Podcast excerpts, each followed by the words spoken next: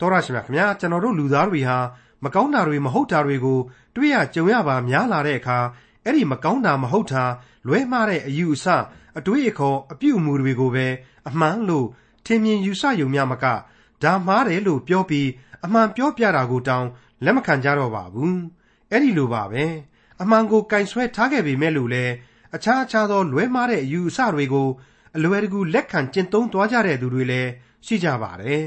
ဘယ်လောက်လဲဆိုရင် အမှန်တရားရဲ့ကောင်းကျိုးတွေအမှန်တရားရဲ့မွန်မြတ်မှုတွေကိုအထင်ရှားတွေ့ကြုံခံစားကြရပေမဲ့လွဲမှားတဲ့အရာကိုရုတ်တရက်ချက်ချင်းလက်ခံလိုက်ပြီးအရင်တုန်းကလက်ခံလာခဲ့တဲ့အမှန်တရားကိုစွန့်ပစ်သွားတတ်ကြပါတယ်။အဲ့ဒီလိုဖြစ်ရတာဟာဘာကြောင့်ပါလဲ။အကောင့်ထက်အစိုးကိုပိုးပြီးနှစ်သက်တတ်ကြတဲ့လူတွေရဲ့သဘာဝကြောင့်လား။အမားကိုအမှန်မဟုတ်တာကိုအဟုတ်လုပ်တတ်ကြတဲ့အပြောကောင်းတဲ့သူတွေကြောင့်လား။အဲ့ဒီအကြောင်းပါဝင်တဲ့ ခရိယန်တမန်ကျမ်းဓမ္မသစ်ကျမ်းပိုင်းတွေကဂလာတိဩဝါဒစာအခန်းကြီး1အခန်းငယ်6ကနေအခန်းငယ်30အထိကို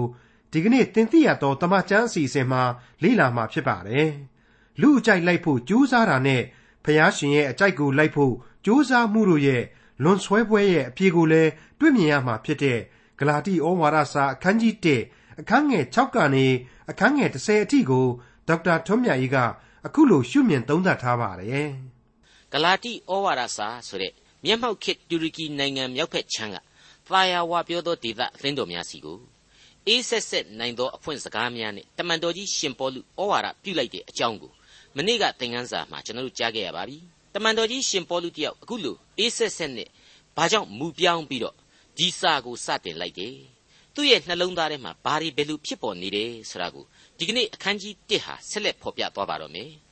ဂလာတိဩဝါဒစာအခန်းကြီး1အငယ်6ခရစ်တော်ဤယေရှုအားဖြင့်သင်တို့ကိုခေါ်တော်မူသောသူနှင့်ဤမျှလောက်မြန်မြန်ခွာ၍သင်တို့သည်အခြားသောဧဝံဂေလိတရားကိုခံယူကြသောကြောင့်ငါသည်အံ့ဩခြင်းရှိ၏ပေါ်လာပါပြီနော်အခြားသောဧဝံဂေလိတရားဆိုတာရှိနေပြီဘာဧဝံဂေလိတရားလဲဆိုတော့ခရစ်တော်ရဲ့ဝမ်းမြောက်ဖွယ်ကယ်တင်ခြင်းတရားကိုကြပြောင်းကြပြန်လုပ်တဲ့အခြားသောဧဝံဂေလိတရား ခရစ်တော်ကိုယုံကြည်ခြင်းမှာဗဟုပြုတဲ့အနှစ်သာရကိုဖျက်ဆီးပစ်တဲ့ဧဝံဂေလိတရားပဲအဲ့ဒီအခြားသောကပြည့်ရပြည့်ဧဝံဂေလိတရားအဲ့ဒီအချိန်မှာဂလာတိဒေသမှာပေါ်နေပြီအသင်းတော်တချို့ကလည်းအဲ့ဒီဘက်ကိုရောင်ပေပေနဲ့စိတ်ညှို့နေကြပြီတဲ့ဒီနေရာမှာဧဝံဂေလိဝမ်းမြောက်ဖွယ်သတင်းတရားခရစ်တော်ရဲ့ကယ်တင်ခြင်းတရားဆိုတာဟာဘာလဲဆိုတာကိုပထမအဆင့်အနေနဲ့စဉ်းစားကြည့်ကြရအောင်ကျွန်တော်တို့ကိုခရစ်တော်အားဖြင့်ပေးလိုက်တဲ့အဲ့ဒီဧဝံဂေလိတရားမှာတိ သစ္စာတရားဟာဘာတွေဖြစ်တယ်နှစ်ဒီသစ္စာတရားတွေရဲ့အဓိကအဓိပ္ပာယ်ဖွင့်ဆိုချက်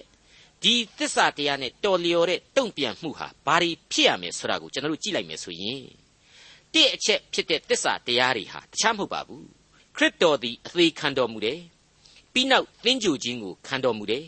ပြီးနောက်မှာတော့ရှင်ပြန်ထမြောက်တော်မူတယ်ဆိုတဲ့သစ္စာတရားအမှန်တရားတွေပါပဲကောရိန္သုဩဝါဒစာပထမစာဆောင်မှာတမန်တော်ကြီးအခုလိုဆိုခဲ့ပါတယ် ကောရိန္သုဩဝါဒစာပထမစာဆောင်အခန်းကြီး15အငယ်3နဲ့4မှာပါငါသည်ကိုယ်တိုင်ခံယူသည့်အတိုင်းသင်တို့အားရှေးဥစွာပေးအပ်သောအကြောင်းအရာဟုမူကား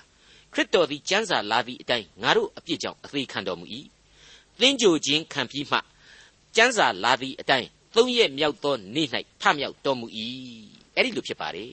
ဒီတော့တစ်အချက်ဖြစ်တဲ့သစ္စာတရားတွေဟာဘာတွေဖြစ်တယ်ဆိုတာကိုတော့သိပြီအဲ့ဒီသစ္စာတရားကို ဘယ်လိုနည်းဘယ်လိုပုံဘယ်လိုအတိတ်ပဲနဲ့ဘယ်လိုခံယူရမယ်ဘယ်လိုတုံ့ပြန်ရမယ်ဆိုတာကတော့သိပြီးတော့ရှင်းနေပါတယ်အလွယ်ကလေးပါဒီသစ္စာတရားကိုယုံကြည်ဖို့ပဲဟုတ်ပါတယ်နှစ်အချက်ဖြစ်တဲ့သစ္စာတရားကိုသိပြီးဆိုရင်တုံ့ပြန်ဖို့ကတော့လွယ်လွယ်ကူကူကလေးယုံကြည်ခြင်းနဲ့တုံ့ပြန်ဖို့ရမယ်ဖြစ်ပါတယ်ဒီတော့ဒီသစ္စာတရားကိုယုံကြည်ပြီးယုံကြည်ခြင်းနဲ့တုံ့ပြန်ပြီးဒါဆိုရင်ဘာလို့သေးသလဲ ဘာဆိုဘာမှပို့ပြီးတော့အရေးမကြီးတော့ပါဘူးချက်ထွင်နေဖို့လည်းမလိုတော့ပါဘူးဖြည့်ဆွက်နေဖို့လည်းမလိုတော့ပါဘူးဒါပေမဲ့အခုအခြေအနေမှာတော့အဲ့ဒီလိုမဟုတ်တော့ပဲအေဝံဂေလိနောက်ထပ်တစ်ခုဖြစ်ပေါ်နေပြီတဲ့တမန်တော်ကြီးဖော်ပြလိုက်တယ်လေခရစ်တော်ဤဂျေဇုအားဖြင့်သင်တို့ကိုခေါ်တော်မူသောသူနှင့်ဤမျှလောက်မြန်မြန်ခွာ၍သင်တို့သည်အခြားသောဧဝံဂေလိတရားကိုခံယူကြသောကြောင့်ငါသည်အံ့ဩခြင်းရှိ၏တဲ့ အဲ့ဒါကိုအခြားသောဧဝံဂေလိတရားဆိုပြီးတော့တမန်တော်ကြီးဖော်ပြလိုက်ပါတယ်ဟုတ်ပါတယ်တမန်တော်ကြီးရှင်ပေါလုဟာခရစ်တော်ရဲ့တမန်တော်ကြီးအဖြစ်နဲ့ဒီကယ်တင်ခြင်းတရားကိုဟောပြောခဲ့တယ်ဧဝံဂေလိသာသနာကိုပြုခဲ့တယ်အထူးတလေအောင်မြင်ခဲ့ပါတယ်ဘာဖြစ်လို့လဲဆိုတော့တန်ရှင်းသောဝိညာဉ်တော်ဟာဥဆောင်လမ်းပြခဲ့ခြင်းကြောင့်အခုလိုအောင်မြင်ခဲ့ခြင်းပါအဲ့ဒီလိုအောင်မြင်နေပြီဆိုတာနဲ့အနှောက်အယှက်ကနောက်ဖက်ကနေပြီးတော့မှောင်ခိုပြီးတော့လိုက်လာတယ် အဲ့ဒီဂလာတိနယ်အသင်းတော်တွေစီကိုဂျူးတယူသန်တွေဟာလိုက်လာကြပြီးတော့ရှင်းနေတာကိုမရှုပ်ရှုပ်အောင်လိုက်ပြီးလုပ်ကြတယ်ရှုပ်အောင်လုပ်တဲ့နေရာမှာဒီကယ်တင်ရှင်သခင်ခရစ်တော်ကိုဆန့်ကျင်လို့ကတော့လည်းမဖြစ်နိုင်ဘူးလူ900လောက်ရှေ့မှာခရစ်တော်ဟာကောင်းကင်ဘုံကိုတက်ကြွသွားတာကိုတက်သိခံမဲ့လူအ ਨੇ ဆုံး900ရှိနေတယ်မဟုတ်ဘူးလားပြီးတော့ မြေကြီးစွန်းတိုင်အောင်ငါရဲ့တက်သိအဖြစ်အမှုတော်ကိုဆောင်ကြလောဆိုပြီးတော့သူကောင်းကင်ဘုံကိုမတက်ကြွခင်မှာမှားခဲ့ဓာရီကိုလူတွေဟာနားနဲ့ဆက်ဆက်ကြားထားကြရတယ်လीကြောင့်မို့လို့လေအဲ့ဒီအချိန်ကာလကစပြီးတော့တပတ်လောက်အတွင်းမှာယုံကြည်သူအ ਨੇ ဆုံး8000ခန့်နဲ့အသင်းတော်ကြီးယေရုရှလင်မှာမမမမပေါ်ထွန်းလာခဲ့ပြီမဟုတ်ဘူးလားဒီတော့ဘယ်လို့မှသူတို့ခရစ်တော်ကိုမဆန့်ကျင်နိုင်ကြတော့အမှန်ဆန့်ကျင်မဲ့အစားဝင်ပြီးလုံးတဲ့သဘောဖြက်လို့ဖြက်စီလုံးကြတဲ့သဘော စောစောကကျွန်တော်ဆိုခဲ့တဲ့ယုံကြည်ခြင်းတစ်ခုတည်းအပြည့်မှာ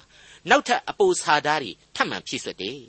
အဲ့ဒီလိုဖြည့်ဆွတ်တဲ့နေရာမှာလေလူတွေရဲ့အယိုးဆွဲနေတဲ့ပြည့်ညတ်တော်ကာလအစဉ်အလာတွေနဲ့ဖြစ်နေကြလေတော့အဲ့ဒီအချိန်ကာလရဲ့လူသားတွေအမြင်မှာစေတနာပဲအပြည့်အဝပါတဲ့ရောင်ရောင်လက်တွေ့ပဲကြတဲ့ရောင်ရောင်ပို့ပြီးတော့ထင်အောင်ထင်မှားဖြစ်စီခဲ့မှာအမှန်ပါပဲ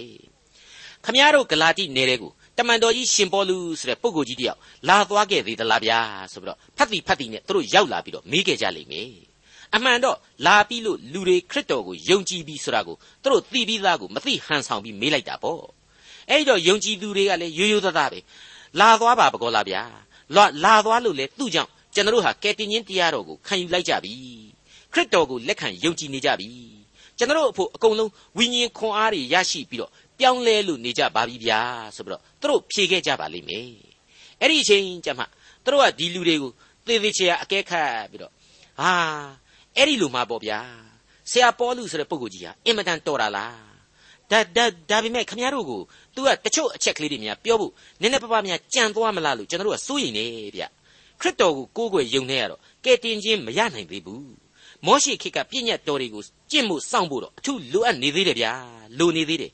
ခရစ်တော်ကိုတော့ယုံနာလဲယုံနာပေါ့ဒါပေမဲ့အကုန်လုံးများသွားပြီးမပုံနေနဲ့နော်ရှေးခေတ်ကမောရှိပြည့်ညတ်တော်တွေကိုခမရတို့အကုန်လုံးကျင့်နိုင်မှမပြတ်မကွက်ကျင့်နိုင်မှဘဝဟာစိတ်ချရမှာဗျအဲ့ဒီလိုနီးတွေနဲ့သူတို့ဖြည့်ဆွက်ခဲ့ကြတယ်ဆွဲတရားတွေဟောခဲ့ကြတယ်ဆိုတာဟာရှင်းနေပါလေမိษွေတော်တတ်ရှင်အပေါင်းတို့ခမညာပြည့်ညတ်တော်တွေရဲ့မမြင်ကွယ်ရာအရတ်မှာကလေးကကျေးဇူးနဲ့ဂရုနာတော်ဟာတည်ခဲ့လေရဲ့ဆိုတာကိုကျွန်တော်အထက်ထပ်ပြောခဲ့ပြီးပါပြီ ဒီပြည့်ညတ်တော်တွေနဲ့သာတိုင်းတာပြီးမှကဲတင်မှအပြစ်လွတ်ကြီးဆိုမှဖြစ်ရင်အာဗြဟံကစပြီးတော့ဓမ္မသမိုင်းကလူကြီးတွေတယောက်မှနလန်မထူနိုင်ဘူးအကုန်လုံးငရဲကိုတန်းစီပြီးဆင်းညရမှာကြီးပဲဆိုတာကိုကျွန်တော်ရှင်းပြခဲ့ပြီးပါပြီဒီပြည့်ညတ်တရားတွေဟာကယ်တင်ရှင်သခင်ခရစ်တော်ရဲ့ကယ်တင်ခြင်းတရားစီကိုတွန်းပို့ပေးတဲ့အင်အားစုကြီးတွေဖြစ်တယ်ဆိုတာကိုလေကျွန်တော်ဆိုခဲ့ပြီးပါပြီအခုတော့အခြားသောဧဝံဂေလိသမားတွေကနေပြီးတော့အဲ့ဒီပြည့်ညတ်တော်တွေစီကို ခရစ်တော်ဘက်ကိုရောက်နေတဲ့ယုံကြည်သူတွေကိုပြောင်းပြန်လှန်ပြီးတော့တွန်းပို့ပေးနေတဲ့ပုံမျိုးချိုးလိုက်ကြတာပဲဆိုတဲ့အချက်ကိုဒီနေရာမှာရှင်းရှင်းကြီးကျွန်တော်တို့မြင်ရပါတယ်ခရစ်တော်ကိုယ်တိုင်ဟာဘာပြောခဲ့ပါသလဲရှင်ယောဟန်ခရစ်ဝင်ကျမ်းအခန်းကြီး9အငယ်39မှာကျမ်းစာအားဖြင့်သာဝရအသက်ကိုရမည်စိတ်ထင်နှင့်သင်တို့သည်ကျမ်းစာကိုစိတ်စိတ်ကြည့်ရှုကြ၏ထိုကျမ်းစာပင်ငါဤသက်သည်ဖြစ်၏တဲ့ရှင်းနေပြီမဟုတ်ဘူးလားနှုတ်ကပတ်တော်သည်လေလူစားတိအဖြစ်ကိုခံယူ၍ ခရစ်တော်ပင်ဖြစ်၏ဆိုတဲ့အဲ့ဒီရှင်ယောဟန်ခရစ်ဝင်ကျမ်းအစပိုင်းမှာတွေ့ရတဲ့အချက်နဲ့တစ်ချက်တည်းကိုက်ညီနေပြီလေအလေးနဲ့စဉ်းစားကြည့်ကြပါ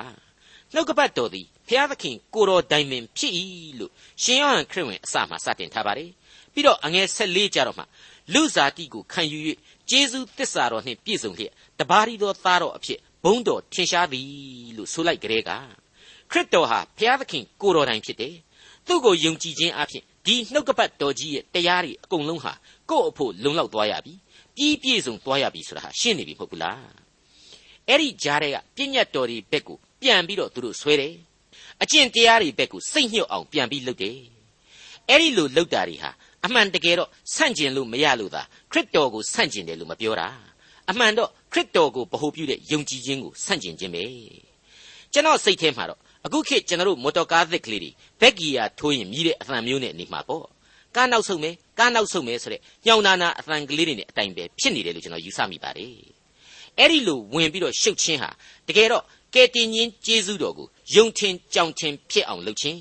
အလွန်အရေးကြီးတဲ့အသင်းတော်တို့သမိုင်းအစမှာကယ်တင်ရှင်တရားရဲ့အုတ်မြစ်ကိုထိုးဖောက်ခြင်းပဲလို့ကျွန်တော်တို့မြင်အောင်ကြည့်တတ်ကြရပါလိမ့်မယ်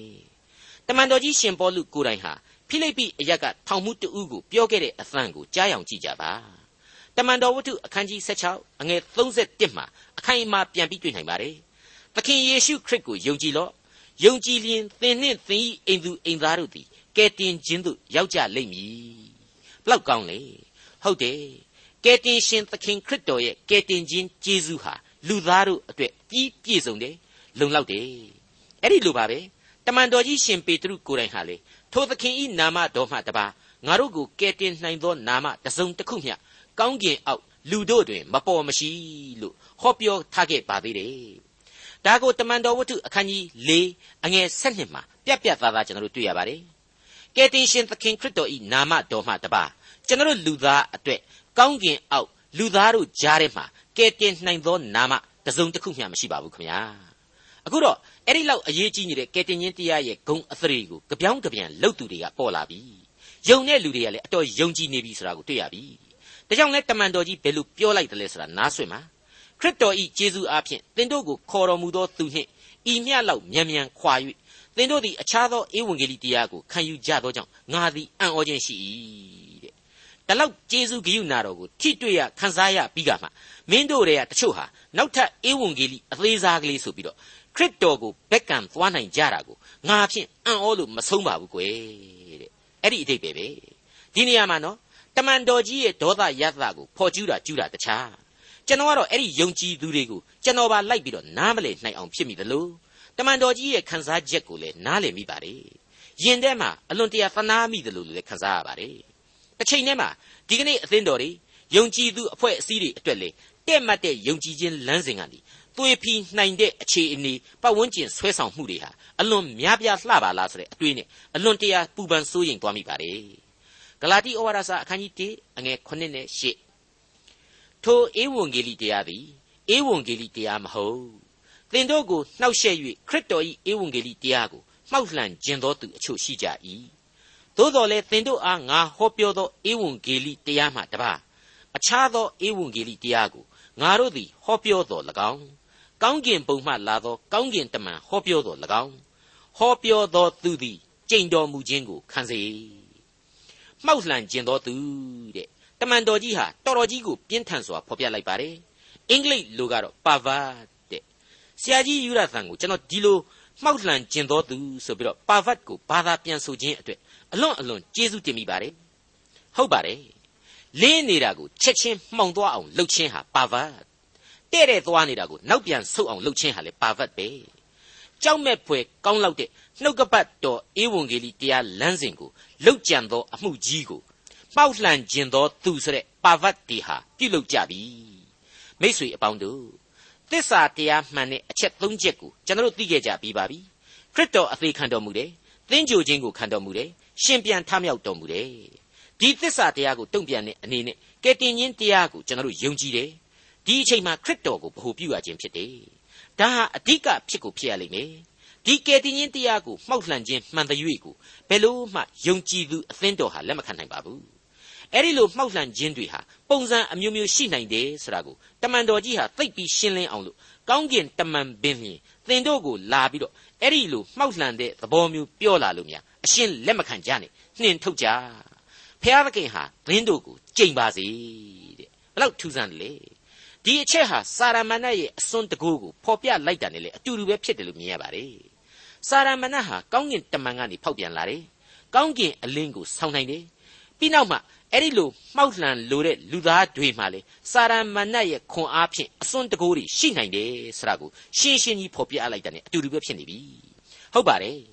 ဘာမှမဝေးသေးတဲ့ယောဘဝတ္ထုမှာတုန်းကလည်းပဲစာရမဏေဆိုတာဟာဘလောက်ထိအားကောင်းမောင်းတန်ရှိတယ်လေဆိုတာကိုကျွန်တော်တို့တွေ့ကြရလို့အထူးတလေချက်ထွင်ပြောเสียလိုလိမ့်မယ်မထင်ပါဘူးကောရိန္သုဩဝါဒစာဒုတိယစာဆောင်အခန်းကြီး7အငယ်14 15မှာလေရှင်းရှင်းလင်းလင်းကလေးပဲရှင်ပေါလုဆိုထားတဲ့အချက်ကိုသတိရကြပါ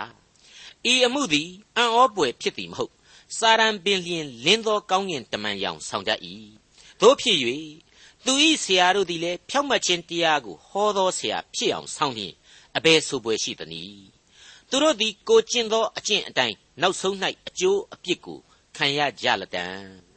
ဟုတ်ပါတယ်မိတ်ဆွေအပေါင်းတို့စာရမဏတ်ဟာအသွင်သဏ္ဍာန်အမျိုးမျိုးနဲ့ဆောင်နိုင်တယ်အဲ့ဒီထဲမှာအလင်းတရားရဲ့ပုံစံကိုပင်လျှင်အတူယူပြီးတော့ဟန်ဆောင်ပြီးလာရသေးတယ်တဲ့တမန်တော်ကြီးဖော်ပြလိုက်ပါတယ်အခုတမန်တော်ကြီးကဂလာတိအသင်းတော်ကိုဆက်လက်ဖော်ပြတာရှိပါတယ် အငယ်6နဲ့10ကိုဆက်လက်နားဆွင့်ကြပါတဖန်တုံသင်တို့ခံယူပြီးသောဧဝံဂေလိတရားမှတပါအခြားသောဧဝံဂေလိတရားကိုတစုံတယောက်သောသူသည်ဟောပြောလျင်ထိုသူသည်ကြိမ်တော်မူခြင်းကိုခံစေဟုငါတို့ဆိုခဲ့ပြီးသည့်အတိုင်းယခုငါထပ်၍ဆိုသေး၏အကြောင်းမူကားယခုတွင်ငါသည်လူဤအလိုသို့လိုက်သလောဖျားသခင်ဤအလိုတော်သို့လိုက်သလော လူတို့စိတ်ကိုနူးညွတ်စေခြင်းဟာရှာကြံသလော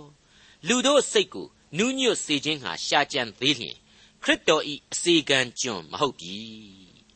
တမန်တော်ကြီးဟာဧဝံဂေလိတရားကိုဘလောက်အထိတန်ဖိုးထားခဲ့တယ်အမှုတော်ကိုဘလောက်အထိပြင်းပြစွာဆောင်ရွက်ခဲ့တယ်ဆိုတာတွေဟာအထူးကျွန်တော်တို့ပြောနေစရာမလိုတော့ပါဘူးအကျဉ်းချင်းကျွန်တော်တို့သိကြရပြီးပါပြီအထူးသဖြင့်တမန်တော်ဝတ္ထုတွေထဲမှာသူဘလောက်ရုန်းကန်ခဲ့ရတယ်ဆိုတာကိုကျွန်တော်တို့နားနဲ့ဆက်ဆက်ကြားခဲ့ရပြီးသားပါ သူဟာအဲ့ဒီခြေလျင်ခေအတွင်းမှာအ ਨੇ ဆုံးမိုင်ပေါင်း2000ခွဲခရီးနှင်ပြီးတော့ဧဝံဂေလိတရားကိုဟောပြောခဲ့တယ်လို့မှတ်တမ်းများအရာတွက်ဆရပါတယ်အမှန်တော့မှတ်တမ်းမတင်ရတဲ့ခရီးစဉ်တွေနဲ့ဆိုရင်အ ਨੇ ဆုံးမိုင်9000တဲ့နဲခဲ့လိမ့်မယ်မဟုတ်ပါဘူးဒီလိုအသင်းတော်တို့ကိုကဘာအရရမှတန်ရှင်းသောဝိညာဉ်တော်အားဖြင့်တီထောင်ပေးခဲ့တယ်ဆိုတော့သူဟာဘလောက်ထိကယ်တင်ခြင်းတရားနဲ့ပတ်သက်ရင်အထိမခံနိုင်ဘူးအလျှော့မပေးနိုင်ဘူးဆိုတာကိုသာမန်လူတွေတွေးရင်တောင်မှ အဖြေရှင်းရှင်းလေးရနိုင်ပါလိမ့်မယ်လွယ်လင့်တကူနားလည်နိုင်ပါလိမ့်မယ်မိษွေအပေါင်းတို့ခမညာတည်တည်ချာချာစဉ်းစားနိုင်ရင်ဧဝံဂေလိတရားအဖြစ်ဖြစ်လာတဲ့ယုံကြည်ခြင်းအကျင့်ဆိုတာဟာလူသားရဲ့စစ်မှန်သောနောင်တကြိုးပဲ့ကြည်မွသောစိတ်နှလုံးအကျွင်းမဲ့နှိမ့်ချခြင်းအဖြစ်ခရစ်တော်ကိုယုံကြည်ကိုးကွယ်ခြင်းသာဖြစ်ပါတယ်ဇာတိပဂရိခန္ဓာကိုပိုင်ဆိုင်ရသူလူသားမို့လို့လွယ်တယ်လို့မပြောနိုင်ပေမယ့်တင်းကျပ်တဲ့ပြည့်ညတ်တော်တွေကိုပြည့်မီရမဟဲဆိုတဲ့အယူအဆ ငါသီလသမာဓိနဲ့ပြည့်ရင်ဘယ်တော့မှငရဲမလားနိုင်တော့ဘူးဆိုတဲ့လူသားတို့ရဲ့မာနနဲ့ရုန်းကန်ကျင့်ဆောင်ရခြင်းအကျင့်တရားတွေတက်တော့အစပေါင်းများစွာလွယ်ကူလိမ့်မယ်လို့ပြောနိုင်ပါလိမ့်မယ်ကျွန်တော်ပြောခဲ့ဘူးတဲ့အတိုင်းပဲအကျင့်အတိုင်းသာဆိုရင်အာဗြဟံကစပြီးတော့ဣဇက်ယာကုပ်ယောသတ်မောရှိဘသူလွတ်မှာလဲဒါဝိဒ်ရှောလမုန်ပို့ပြီးတော့တောင်ဆိုပါသေးတယ်ကုံကုံပြောရရင်ဘုရားသခင်ကိုတော်တိုင်ဟာ စုံလင်ဖြောင့်မတ်တဲ့ငါလူဆိုပြီးတော့အမှတ်တညာပြုခဲ့ရတဲ့ယောဘ၌ပင်လျင်အပြစ်ရှိတယ်ဆိုတာကိုကျွန်တော်တို့ကြားနာခဲ့ကြပြီဖြစ်ပါတယ်ဘုရားသခင်ကိုတော်တိုင်ကစုံလင်ဖြောင့်မတ်တော်သူဆိုတဲ့သူ့တပည့်ယောဘအပြစ်ရှိတယ်ဆိုတာကိုဖော်ပြခဲ့သေးတယ်မဟုတ်ဘူးလားအခုတမန်တော်ကြီးရှင်ပေါလုအပြစ်နဲ့မကင်းပါဘူးဟုတ်ပါတယ်မိတ်ဆွေအပေါင်းတို့ပြည့်ညက်တရားအရာဘယ်လို့မှလူသားဟာအပြစ်နဲ့မလွတ်နိုင်ပါဘူးသင်သိရသောသမာကျမ်းပြုစုသူဆရာကြီးဒေါက်တာမက်ဂီအပြစ်နဲ့မလွတ်ဘူး ဘာသာပြန်သူကျွန်တော်လည်းဒီတိုင်းပဲမိษွေတို့အားလုံးဟာလည်းဒီအတိုင်းကြီးပါပဲ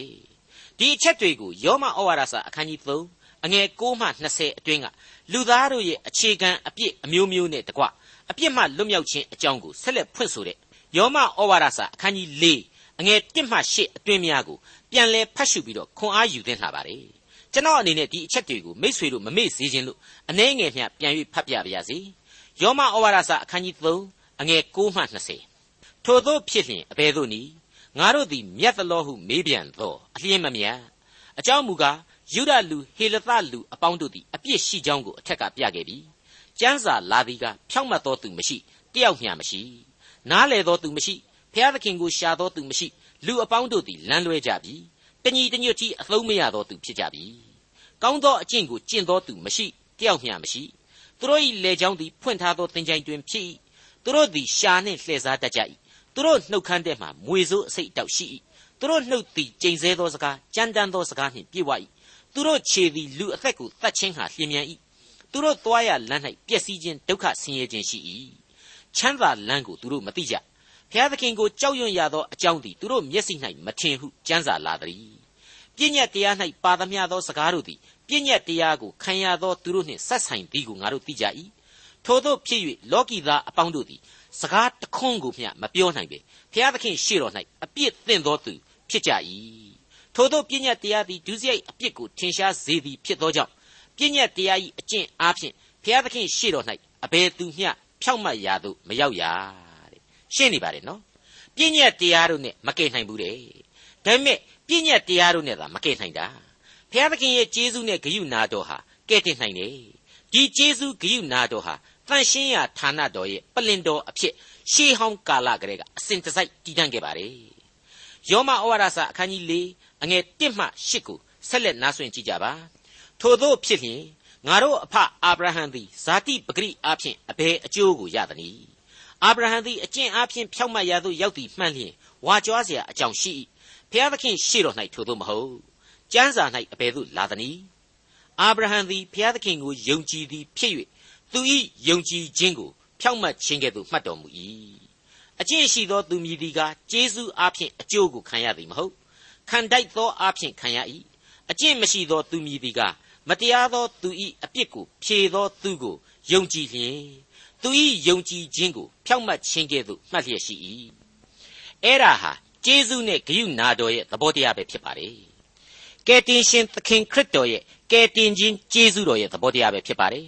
ဒီကယ်တင်ခြင်းအားဖြင့်သာလျှင်လူသားဟာဖြောက်မတ်ရာသို့ရောက်နိုင်တယ်ထာဝရအသက်ကိုရနိုင်ပါတယ်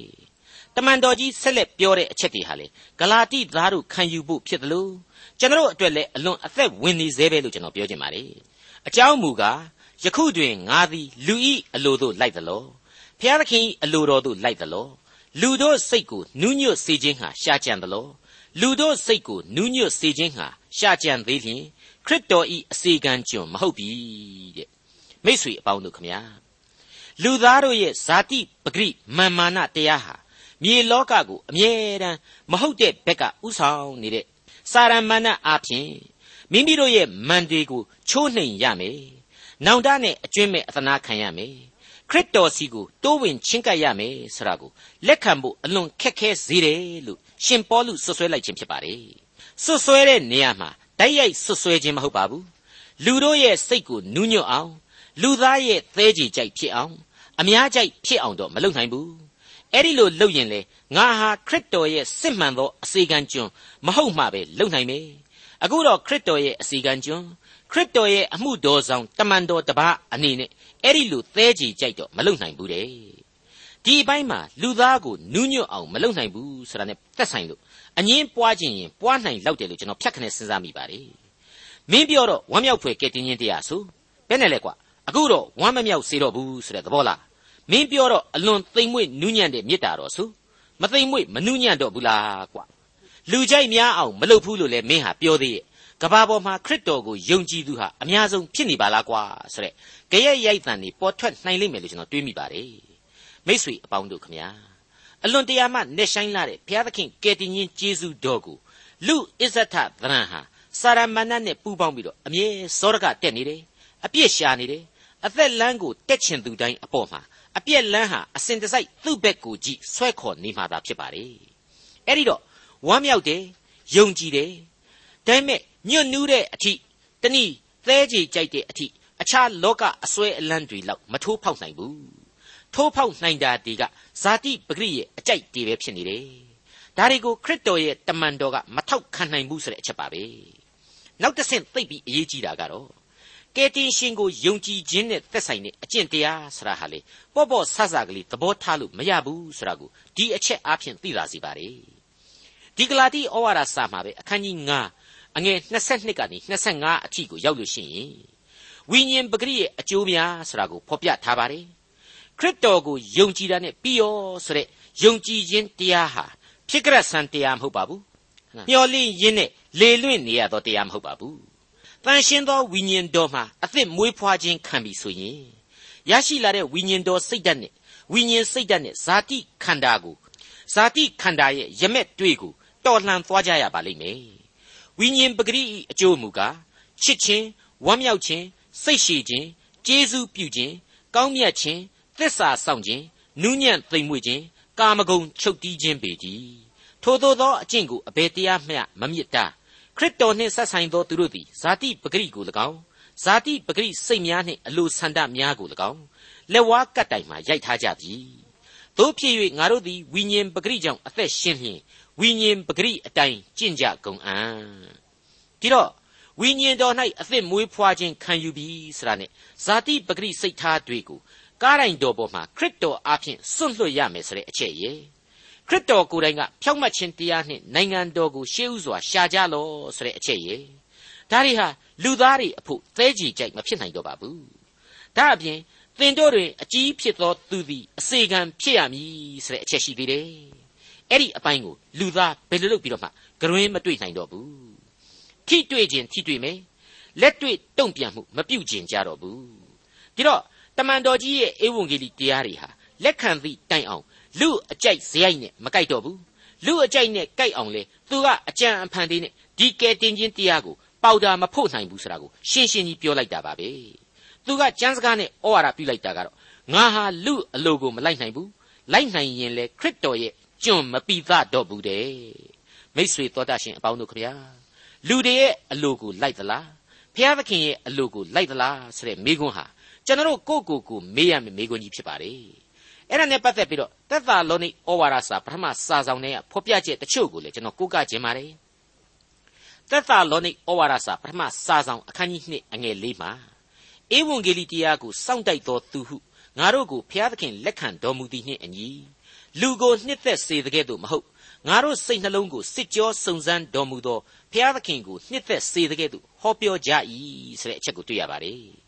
အဲ့ဒီကျမ်းမှာပဲအခန်းကြီး၄အငယ်၁ကြတော့ကျွင်းသေးသောစကားဟုမူကားညီအကိုတို့သင်တို့သည်အဘယ်သို့ကျင့်ရမည်ဖျားသခင်ကိုအဘယ်သို့နှစ်သက်စေရမည်ကိုငါတို့ထံ၌နီးခံကြသည်နှင့်အညီတိုးပွား၍ကြွယ်ဝပြည့်စုံမည်အကြောင်းသခင်ယေရှုကိုအမိပြုလျက်ငါတို့သည်တောင်းပန်၍တိုက်တွန်းသွေးဆောင်ကြ၏အဲ့ဒီလိုဆက်လက်တွေ့ရပြန်ပါတယ်ဒီတော့ဘုရားသခင်အလိုကိုလိုက်ခြင်းဆိုတာဟာဘုရားသခင်နှစ်သက်တဲ့အကျင့်ကိုကျင့်ခြင်းဖြစ်တယ် ဘုရားသခင်နှစ်သက်တဲ့အကျင့်ဆိုတာဟာသေချာစဉ်းစားလိုက်တော့ကိုကသူ့အတွက်ဘာတွေဆက်ကပ်မေးဘယ်လိုသီလသမာဓိတွေနဲ့သူကြိုက်အောင်လုပ်မယ်ဆိုတဲ့အချက်တွေဟာသာမညာ